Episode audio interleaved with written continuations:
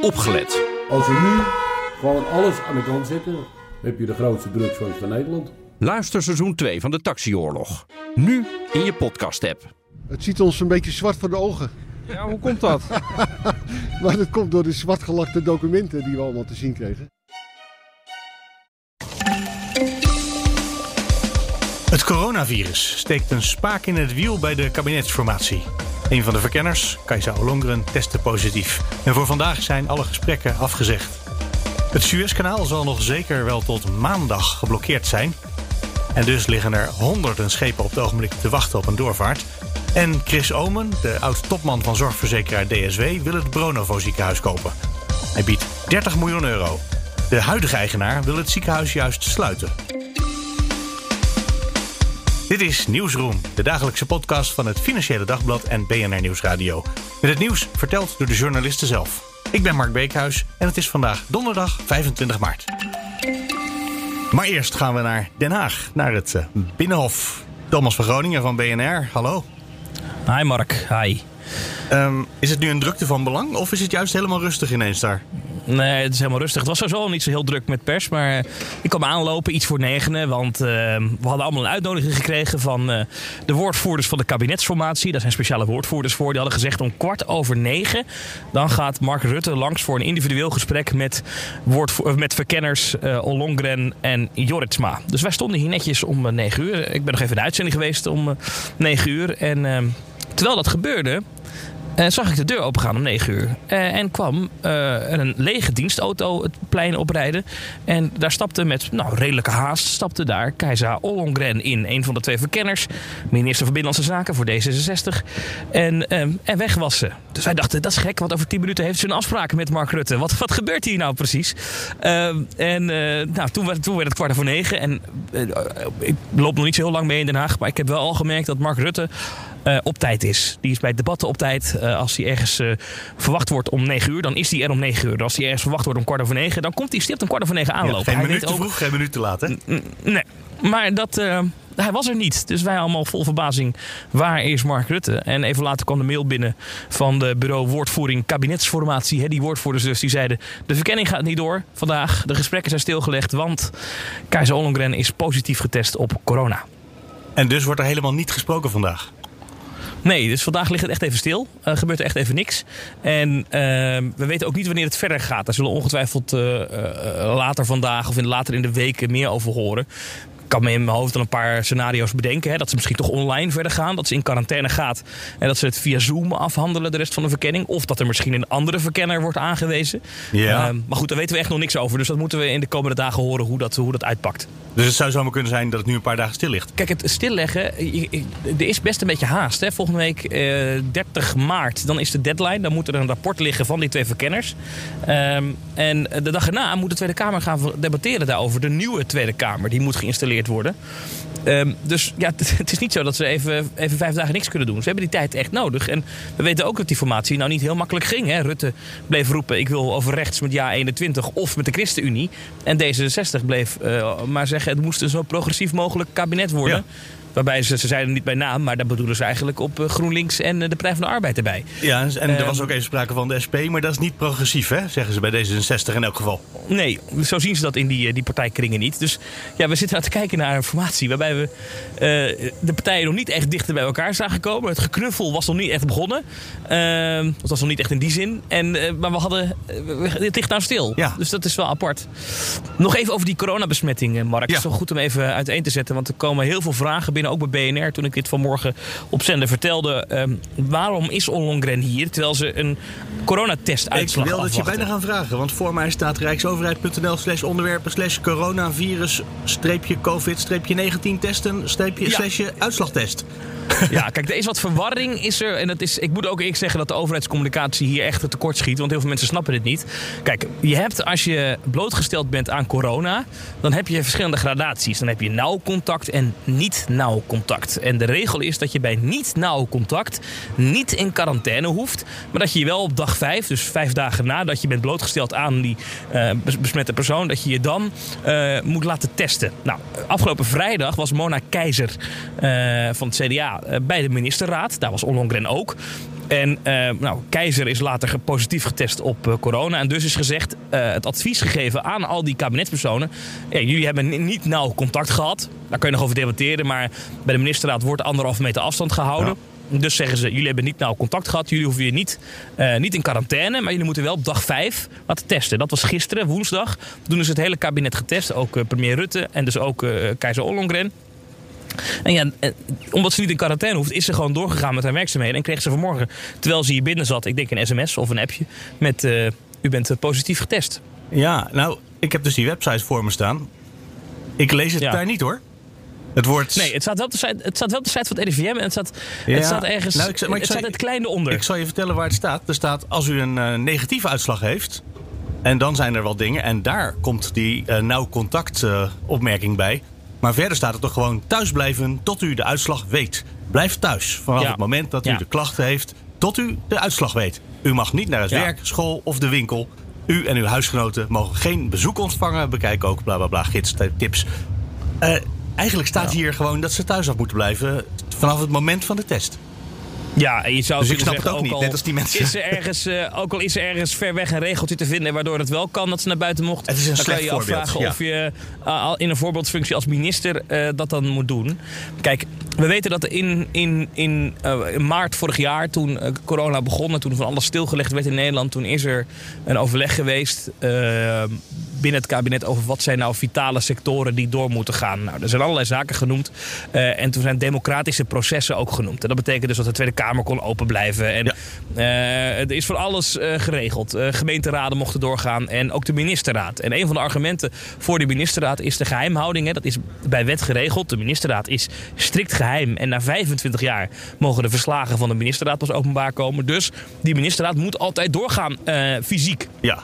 Want digitaal is de angst dat dan uh, journalisten uh, proberen uh, die Zoom mee te kijken. Of dat je niet weet of er iemand anders meeluistert. Hè? Iemand kan achter zijn laptop zitten. Maar wie zit er aan de andere kant van die laptop? Hè? Dat is dan de angst die, die bestaat bij de ministerraad. Ja. Uh, en daarom, daarom is, is ervoor gekozen om dat door te laten gaan. En het is mij wel opgevallen, ik durf het nu wel te zeggen, dat uh, in de maanden dat ik op Binnenhof loop, is dat er hier bijvoorbeeld geen teststraat is. Ja, als je gaat kijken op het Mediapark, uh, bij grote facilitaire bedrijven daar, bij grote mediabedrijven, dan wordt iedereen de hals om de havenklap getest. dat gebeurt in meer organisaties. We horen de reclamespotjes op BNR ook regelmatig van laat uw bedrijf testen. Nou, ik kan u vertellen, het Binnenhof als bedrijf, ehm, de Tweede Kamer als bedrijf, ik maar zeggen. Ja, hier is testen niet gebruikelijk. We zagen het bij Mark Rutte, die tijdens de campagne voor het eerst pas getest werd. toen die uh, langs ging bij koffietijd. En we horen het bij sommige fracties wel. Ik uh, hoorde toevallig laatst iemand van GroenLinks die zei: ja, wij, wij laten ons echt meerdere keren per week testen. Zeker tijdens die campagne, omdat we zoveel uh, contact hebben. Dus die hebben zelf ja, eigen sneltest iemand uh, vandaag gehaald die dat kan afnemen en geregeld. Maar dat is niet politiek breed gedragen, dat, dat testbeleid. Ja, en dat bijt de politiek nu wel aardig in de vingers, uh, kunnen we wel zeggen. Ja, dat is precies wat het is. Nou ja, en we gaan nu merken wat voor effecten dit heeft op de formatie, die eigenlijk natuurlijk gewoon door moet gaan. Dat hebben zij net al. Ja. Die heeft eigenlijk geen tijd om uh, stil te liggen. Ja, en niet alleen op de formatiemarkt, maar ook op de 17 fractievoorzitters die hier de afgelopen dagen langs geweest zijn. Ja, die zullen ook allemaal gaan Want testen nu waarschijnlijk. Ja, en wat nou als daar een deel positief van is? Volgende week is de installatie van de nieuwe Tweede Kamer. Ja. Uh, maar er zitten, een aantal fractievoorzitters in een quarantaine. Kan dat dan wel doorgaan? Of moet je dat dan een week uitstellen? Blijft de oude Kamer dan nog een week langer zitten? Uh. Nou ja, ik denk even ver vooruit hoor, dus het is niet ja. aan de orde nu. Maar uh, dat zijn wel vragen die we op een gegeven moment moeten gaan stellen. Die gaan we waarschijnlijk in de loop van morgen verder krijgen. Want dan weten we waarschijnlijk van de andere 17, van de 17 fractievoorzitters uh, hoe het met ze gaat. Die zullen zich nu toch wel, uh, behalve misschien Baudet, uh, laten testen. Dat lijkt me wel, ja. Dus, en ik denk dat ik zelf ook even vanmiddag een ja. rondje langs de teststraat maak. Want ik heb al die 17 fractievoorzitters. Het was me waar genoegen hier de afgelopen week Was het een nauw contact of viel te staan. Mee? Nou, ik heb een lange hengel, dus ik hou wel anderhalf meter afstand. Maar ik heb ze wel allemaal gezien. Ja. En uh, een aantal, ja, die komen dan denk, misschien net geen anderhalf meter. Dus ergens tussen een meter en anderhalve meter in. Ja, ja ik, ik ben geen viroloog, maar ik neem even het zeker voor het onzekere. Nou, ik wil niet... Ik wil niet de superspreader van het Binnenhof zijn, Mark. Oh, maar dat, uh... nu zeg je nog iets belangrijks. Want morgen dan zitten wij met z'n drietjes in één studio uh, op, uh, wat zal het zijn? Anderhalf meter afstand ongeveer. Ietsje meer misschien. Ja. Niet heel veel meer dan dat. Uh, we hebben wel zo'n... Ja, ik ga dan uh, sneltest doen dan. Ja, want we hebben nog wel zo'n plexiglazen wand ertussen. Dus wat dat betreft kan je hardop praten. Ja, maar het gaat ons niet gebeuren, Mark. Dat, Dat dankzij, Mona, dat dankzij Mona Keizer en Keizer Ollongren er geen normale Nieuwsroom Den Haag is. Dat kan niet. Het zou... Morgen meer. Joe. Dat was voor Groningen, dankjewel. En er komt net nog een berichtje binnen van de Rijksvoorlichtingsdienst. Persalarm, dubbele punt. Ministerraad voorlopig digitaal bijeen vanwege coronabesmettingen. Dus dat is het eerste antwoord dat we alvast hebben. En bovendien zijn er net aantekeningen van Kajsa Olongren naar buiten gekomen. Die heeft ze per ongeluk open en bloot in de richting van een fotograaf gehouden. Fotograaf van de AFP. En in die aantekeningen staan nou, dingen die onhandig zijn om naar buiten te brengen, laat ik het zo zeggen. Bijvoorbeeld in het gesprek met Mark Rutte of Sigrid Kaag zou vandaag aan de orde kunnen komen de onderhandelingsstijl van Wopke Hoekstra. En nog veel heftiger, daar ga je vandaag de hele dag in het nieuws veel over horen. En morgen in Nieuwsroom Den ook voorspel ik je de positie van Pieter Omtzigt. Daar staat over functie elders. Ja, hier zit, ja, er ligt in de Rode Zee eh, ligt, eh, ligt ook verschrikkelijk veel eigenlijk. Zo. Ja, hè? eh, ja, het zit. eh, ze liggen allemaal in de golf van Suez, zie ik. En dan, eh, en dan in de Rode Zee, dus ontzettend veel. Zo. honderden in, in dat nauwe stukje langs Egypte en dan om de hoek in de richting. Nou, wat is het voorbij Jemen? Daar wordt het echt gewoon nog heel veel meer. Ja, er liggen, bij Alexandrië liggen nu ook veel schepen, zie ik. Er gaat nog wel een stuk eh, die kant op. Eh, ik zie er nog wel een hoop scheepsbewegingen. Maar goed, Ja, heftig hè? ja, Kom, ik ga even netjes zeggen dat jij eh, Pieter Lokens bent van het Financieel Dagblad. Eh, de man die zich altijd bezighoudt met Rotterdam. Correspondent Rotterdam ben je geloof ik hè? ja Officieel. Ja, ja, officieel wel. Ja, ja, Ja, ja. correspondent klinkt zoals of je in een ver buitenland... eh, ja, maar, eh, ja. ja, redacteur met specialisatie Rotterdam, laat ik het zo zeggen. Ja, eh, maar we kijken nu even een stukje over de grens richting Suez. Het kanaal van Suez, waar nou, iedereen die op de social media en in het nieuws gezien heeft in de afgelopen dagen, heeft fantastisch mooie beelden gezien van containerschepen die daar volledig stil liggen. Ja. We zitten nu ook weer even te kijken naar de radar. En het zijn er echt heel veel die stil liggen. Ja, containerschepen, eh, olietankers, LNG-schepen. Nou ja, daar gaat een hoop, eh, gaat een hoop doorheen. Door het Suezkanaal. En ik las net, het kan nog wel tot maandag duren. We zitten vandaag op donderdag. Eh, dus dat duurt echt nog een hele tijd voordat er weer gevaren kan worden daar. Ja, dat kan, dat kan nog wel een tijdje duren. Want dat schip dat zit muurvast eh, als je dat zo leest. En ehm, zowel de voor- en achterkant die ligt echt helemaal dwars. En ja, dat is moeilijk te bereiken. Dan ook met, eh, met, met slepers. Eh, dus ja, het schip is ook vol beladen natuurlijk. Dus er zit Ja. nog vol brandstof, eh, ballastwater, containers. Ja, als dat eenmaal zich vastgezogen heeft in die, in die, die kade, dan ehm, is dat moeilijk los te krijgen. Berdowski, die houdt er, de baas van Boskalis, wiens dochter, eh, tenminste dochterbedrijf, eh Smit Salvage, daar eh, ook werk gaat verrichten. Die zei volgens mij gisteravond in Nieuwsuur nog dat het wel weken zou kunnen duren. Maar dat is, nou, laten we daar niet van uitgaan. Maar het kan zeker nog wel even duren, ja. Weten we eigenlijk inmiddels hoe het kan dat je zo'n schip zo verschrikkelijk dwars in het water in de kust vaart? Ik las over een flinke windvlaag, maar dat kan me gewoon niet voorstellen bij zo'n vol beladen, heel zware schip. Dat de wind het er gewoon een beetje het, de kant in waart. Nou, je staat versteld van de krachten die de wind eh, op, op zo'n schip kan uitoefenen. En het is natuurlijk. Ja, die, die containers staan hoog opgestapeld. Het is een enorme windvanger, is het. Eh, als dat op een of andere manier. Het zou kunnen. verkeerd op zo'n schip komt, de wind. En het was ook een soort storm, geloof ik. Een zandstorm of een stofstorm.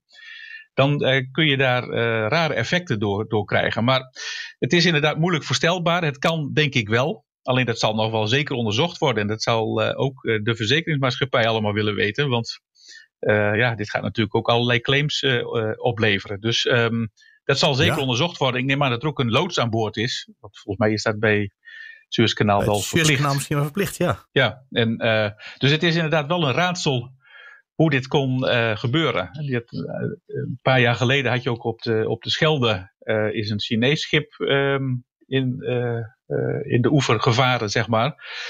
toen zat het roer vast, is het verhaal. Ehm, ja, ja het, dan doe je natuurlijk niks meer. Dus nee, dan doe je ook helemaal niets meer. Dus dat is toen daar bij, ehm, bij Zeeland is het in de oever gevaren. Dat heeft toen twee of drie dagen geduurd, denk ik. Maar dat blokkeerde het scheepvaartverkeer niet. Dat is, was dan het grote voordeel weer. Maar dit is echt een, een, een, ja, dit is wat dat betreft een ramp natuurlijk voor het scheepvaartverkeer als dat, uh, als dat zo vastzit. Je kunt geen kant op. Ja, nee, de schepen uh, die nog die kant, uh, die, die schepen die nog die kant opgaan nu, ja, die zullen dan om Afrika gaan voor de zekerheid, denk ik. Die gaan natuurlijk daar niet aansluiten in die enorme file van, van schepen. Uh, maar via Afrika varen, dat is anderhalve week extra of zoiets. Ja, dan ben je anderhalve week à twee weken langer onderweg. Ja, dat klopt. Dat klopt. Ja. Dus ja. Het, dan moet je wel echt denken dat het nog. En, en, trouwens, je hebt ook meer brandstofkosten, stel ik me daarvoor. Maar dan, dan moet je dus ja. gewoon echt denken dat het nog wel een anderhalve week, twee weken duurt. Anders dan schiet je er niks mee op. Nee, nee, alleen ja, het is inderdaad de keuze die je dan maakt, denk ik, als rederij. Van ja, wat gaan we doen? Gaan we dit afwachten? Gaan we nog niet vertrekken uit bepaalde havens. Maar ja, goed, dat kan vaak ook niet natuurlijk. Want ja, je kunt niet zomaar in een haven blijven liggen. Er komen weer andere schepen aan. Dus um, ik denk dat rederijen dan nu een keuze gaan maken uh, van ja, nu onderhands van gaan we nu toch om Afrika varen en dan hebben we in ieder geval onze spullen weg. Of, um, of gaan we aansluiten in de, in de rij of vertrekken we niet. dus het zal in de loop van de komende dagen wel duidelijk worden wat rederijen gaan doen. Gaat dit effect hebben voor ons? Want je zei net al uh, dat er een enorme hoeveelheid uh, olietankers bijvoorbeeld uh, onderweg was. Gaan we, gaan we merken dat we het leveringstekorten krijgen? Nou, ik, ik denk dat we, we hebben natuurlijk wel strategische voorraden wat olie betreft en, en, en, en olieproducten. Dus ik denk niet dat dat op korte termijn tot problemen gaat, gaat leiden. We kunnen een half jaar vooruit, geloof ik, hè, met die voorraad. Ja, we kunnen een heel eind, heel eind vooruit. Dus, en ja, tankers gaan natuurlijk nu ook waarschijnlijk beslissen, we gaan om, uh, om Afrika heen varen. Dus, um, uh, dus op zich hoeft dat niet tot enorme voorraadtekorten uh, leiden. Dus het is meer als je zit te wachten op dat ene kleine goedkope speeltje vanuit ja. de Alibaba webwinkel. Dan heb je misschien Ja, pech. nou ja, dat zit, ja, dat zit aan boord van die schepen. En er zit, kijk, in de afgelopen decennia uh, zeker de afgelopen twintig jaar, is natuurlijk alles bijna in containers gestopt. Hè. Je kunt bijna niet zo gek bedenken of het is wel in uh, zo'n container gestopt om te laten vervoeren. Tot aan schroot toe. Dat wordt ook gewoon in containers gestort. Um, dus het is een veelheid aan producten wat aan boord van zo'n schip zit. Um, nou, ja, televisies, elektronica, maar ook medicijnen. Die zitten vaak in van die koelcontainers. nou, er zit van alles aan boord. Dus um, ik denk dat er toch redelijk wat. Uh, het is nu nog maar twee dagen natuurlijk de vertraging.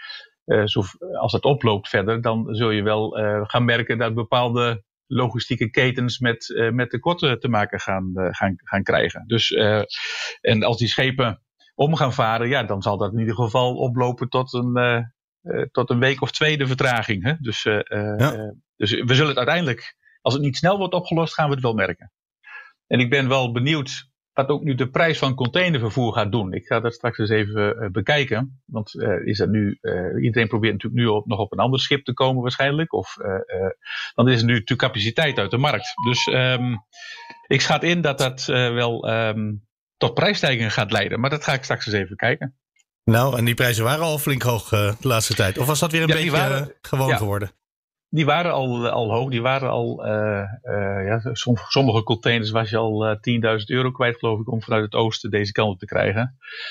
dus um, toen kwam Chinees nieuwjaar eraan. Dan is er vaak wat minder handel. dan zakt die prijs wel iets naar beneden. Maar de verwachting was dat het toch nog wel tot in, ver in, het, in dit jaar die hoge prijzen zouden aanhouden. Dus ik ben benieuwd hoe zich dat nu gaat ontwikkelen. Nou, dan moet je daar nu maar eens naar uh, op zoek om te kijken wat mensen doen. Ik zit ondertussen nog even op die radar te kijken.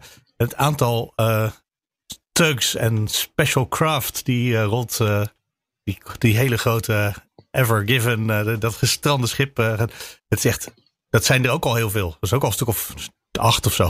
Ja, ja, ja, ja, ja, ja, ja, ja, ja, ja En dan moeten die van, van Smit moeten nog langs. Die moeten ja, die zitten, het is inderdaad, als je dat inzoomt, zeg maar, dan, dan zitten daar wat zit daar allemaal voor type schip ligt daar? Dat zijn uh, cargo vessels, zie ik. Cargo vessels. Uh, ja, dat zijn er, uh, die zitten daar allemaal ook op een hoopje. Ja. Ja, het zijn allemaal. Ik zal nog eens kijken of ik ook. eh, reset filters, dan zijn er nog meer, denk ik. Ja, zie je wel, er liggen ook. Aardig wat tankers liggen er ook al. Gisteren was sprake van 10 tankers met 13 miljoen vaten olie aan boord. Eh, ja, op een gegeven moment eh, zullen we dat wel toch wel een keer gaan, gaan merken. Maar het is inderdaad fascinerend hoe dat, hoe dat daar zit. Hè? En er zit, eh, Ja. ik zie hier nog wel een scheep wat. oh ja, er liggen in dat meer, liggen er in dat bittermeer, die bittermeren liggen dus ook al heel veel te, te wachten om verder te kunnen. Dus dat ligt ook al vol. Zie je, zie je dat? Als je dan meer naar boven gaat. Het is inderdaad. het is een drukte van belang, zou je Ja. denk ik zeggen. Ja, ja, ja dit, is, dit is echt. eh, dit, eh, eh, dit is uitzonderlijk. Pieter, dankjewel. Ja, oké.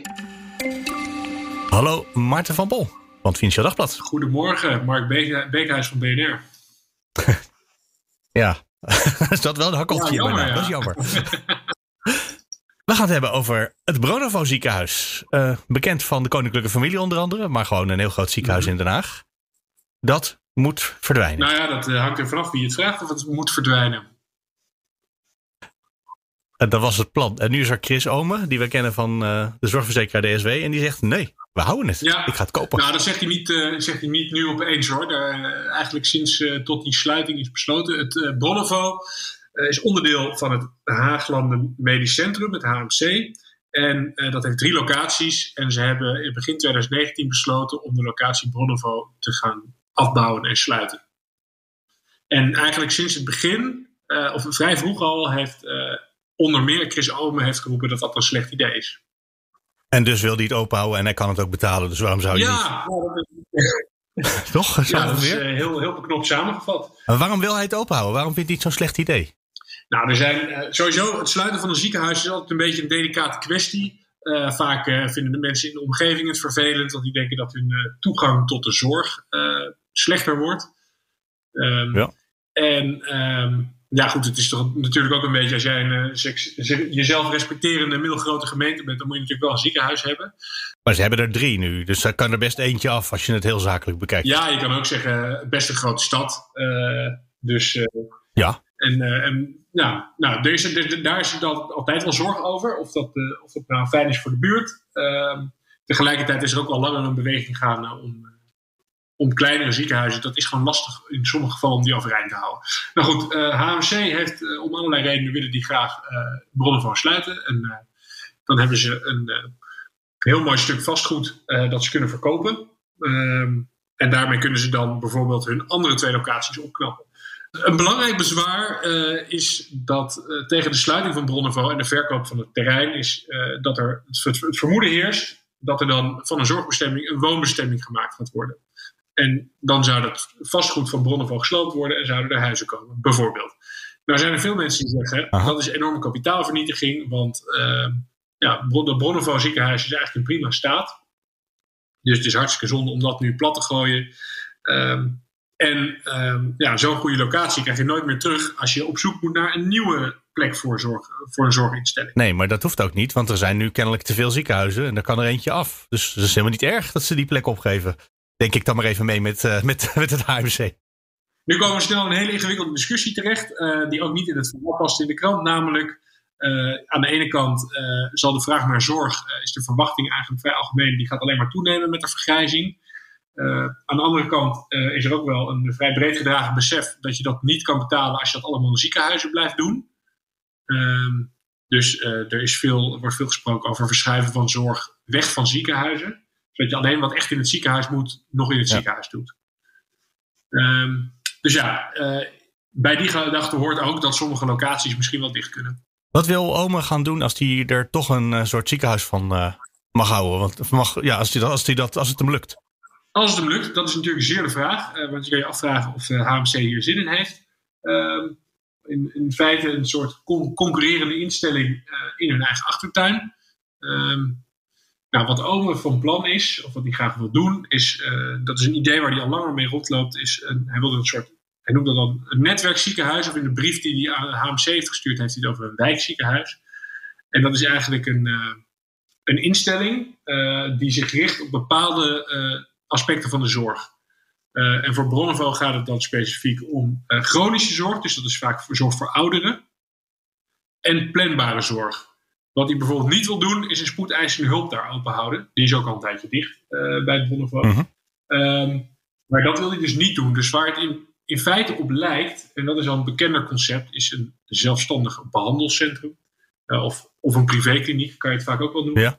Uh, dit wordt dan een vrij, wel een vrij grote, zou het worden. En je hebt dus een soort kern van het ziekenhuis, van de instelling, die is vast. En wat hij dan wil doen, is dat die groepen specialisten, die kunnen zeg maar gaan inwonen in het Bronnenvo. Um, die huren gewoon een vleugel of een verdieping. Ja, een beetje afhankelijk van wat ze doen. die draaien een eigen winkeltje. daar zou dan Ome of het Bronnenvo wel inspraak moeten hebben bij die, bij die groepen. Uh, maar zo zou je dus eigenlijk, een, en dat is het netwerkidee, dat je dus een soort centrale instelling hebt waar, andere, waar groepen medici zich bij kunnen aansluiten. Je was wel een beetje voorzichtig net toen ik vroeg als het hem lukt. Als het hem lukt, heel nadrukkelijk. Is er een kans dat dit, dat dit gaat gebeuren? Um, ja, er is altijd een kans. Waar zou het van afhangen of het lukt? is misschien een betere vraag. Nou, ik denk dat uh, hij heeft 30 miljoen geboden. Ik denk dat de vraag is: vindt HMC dat genoeg? Of denken ze dat ze er meer voor kunnen krijgen? Maar dan is natuurlijk de volgende vraag: hebben zij überhaupt zin om, uh, ja, om, om dus een concurrerende instelling in hun achtertuin uh, toe te laten? Um, en doorkruist ja. dat niet dan hun plannen om de zorg in de regio te concentreren in hun eigen twee locaties? Um, ja, dus dat... Ze maken er gewoon een eigen concurrent mee mogelijk. En dat is natuurlijk onhandig als Ja. je het, ziekenhuis als een bedrijf ziet. Precies. Eh, nou goed, Ja. en daar kan je dus tegenover zetten van, eh, is het erg als er, ehm, ja, als er een alternatief aanbod is en als dat heel goed is, dan is dat nog mooi voor de patiënt, zegt de dan. Ehm, en het gaat om de patiënt. Misschien wordt het daarmee wel zo moeilijk voor het HMC dat ze daar weer last van gaan krijgen en dus moet gaan bezuinigen of zo. Ehm, nou ja, ze zouden best wat omzet kwijt kunnen raken, inderdaad. Dat is niet ondenkbaar. Dat gebeurt ook met eh, andere zelfstandige behandelcentra. Ehm, en ja, dan komen, we dus, ehm, dan komen we dus ook weer terecht in die discussie over. ja, of eigenlijk al die. eh, dat, dat is meer een bredere stelseldiscussie. Of, of die planbare zorg, of je dat nou allemaal in zo'n ingewikkeld ziekenhuis moet doen. Of je dat beter eh, op kleinere locaties kan doen. Nou, dat is een heel complexe discussie. Ehm, en dat maakt ook dat het eh, ja, moeilijk te voorspellen is of Ome dit eh, voor elkaar gaat krijgen. Je zou ook kunnen denken, ze hebben nu drie ziekenhuizen bij die ziekenhuisgroep. Met z'n drie ziekenhuizen denken ze dat er één af kan. Ome denkt dat je daarna één van die drie meteen weer open kan gaan doen. Misschien is er gewoon toch ruimte voor drie ziekenhuizen binnen die HMC-combinatie. Ja, dus, dus eh, een deel van de redenering achter het sluiten van bronnen heeft te maken met eh, de, de financiële huishouding van de HMC. Ehm, en eh, er zijn ook wat bijvoorbeeld ook speelt, is dat er een groot tekort is aan verpleegkundigen, vooral medisch personeel, maar dan vooral verpleegkundigen. Ehm, en nou, dat, dat maakt het moeilijk ook om drie ziekenhuizen draaiende te houden in de regio. Ja, maar als die dan voor Ome gaan werken, dan los je het probleem dus niet op. nou, Als je nou, dat ziekenhuis ook toch open houdt. Daar heeft hij een optimistische theorie over. Namelijk Ja. dat uh, als je een. Uh, dat zijn uh, het nieuwe Bronnevo, het Nieuwe Stijl noem ik maar even. Dat Mhm. zou een heel ander soort instelling worden dan het Westeinde bijvoorbeeld. en daar zouden dus ook heel andere mensen willen werken. Dus hij zegt eigenlijk: Nou, als wij hier een hele aantrekkelijke werkgever neerzetten voor bepaalde mensen. Dan zou dat eigenlijk alleen maar zorgen voor dat, dat meer mensen hun ei kwijt kunnen in de zorg. Hmm. Dus zou het elkaar niet. Wat voor mensen zouden dat dan zijn? Zou nou ja, je kan je bijvoorbeeld voorstellen dat het best wel wat anders is of je in een, eh, in een groot ziekenhuis werkt waar eh, veel complexe zorg wordt geleverd. Of dat je meer in een eh, ja, toch wat regelmatigere omgeving van zo'n kleiner zelfstandig behandelcentrum gaat Ja. Dus dat, dat trekt andere types aan, is zijn theorie. En dat zou dus kunnen betekenen dat er een grotere pool is van mensen om uit te putten. Eh, maar goed, dat is wel, ja, dat, dat, moet, dat zou zich moeten uitwijzen. Dat is optimistisch, zei je. Dat is een ingewikkeld aspect van, deze, van dit plan. En zo zitten er heel veel haken en heel veel ogen aan. Ehm, we gaan eh, dit in de komende maanden vast eh, zich zien ontwikkelen. En dan blijkt het toch nog weer anders te lopen dan we nu denken. Dat zit er dik in. Mijn voorspelling. ja. Maarten van Pol, dankjewel. Graag gedaan. We komen aan het einde. En dan kijk ik nog snel even in de mailbox. Daarin staat een bericht van Raymond. over de aflevering van gisteren. Je weet, Connor die verkoopt een paar radioseconden via een NFT. En Raymond die dacht, dat lijkt me wel wat. Maar dan loop je toch tegen een aantal vervelende dingen aan, schrijft hij.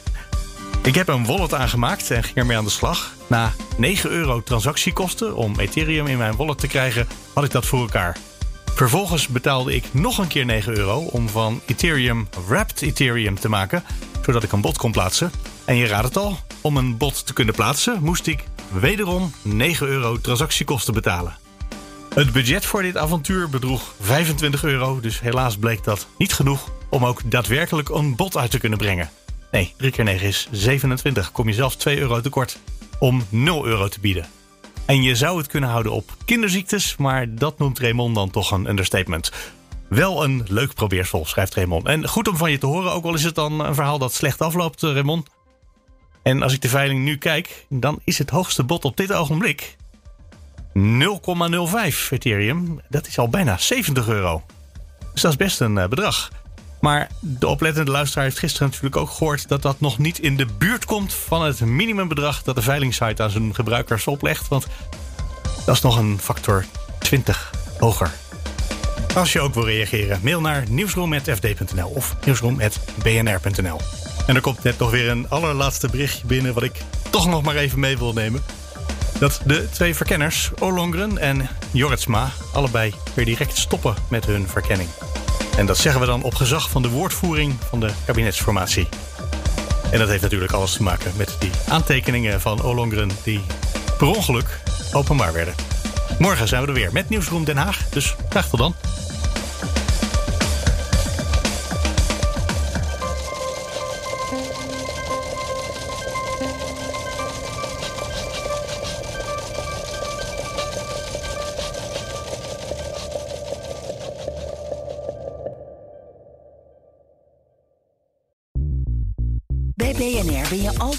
Eerste op de hoogte van het laatste nieuws. Luister dagelijks live via internet. Bas van Werven. En heel langzaam komt de zon op rond dit tijdstip. Je krijgt inzicht in de dag die komt op BNR, het Binnenhof in Nederland en de rest van de wereld. De Ochtendspits. Voor de beste start van je werkdag. Blijf scherp en mis niets.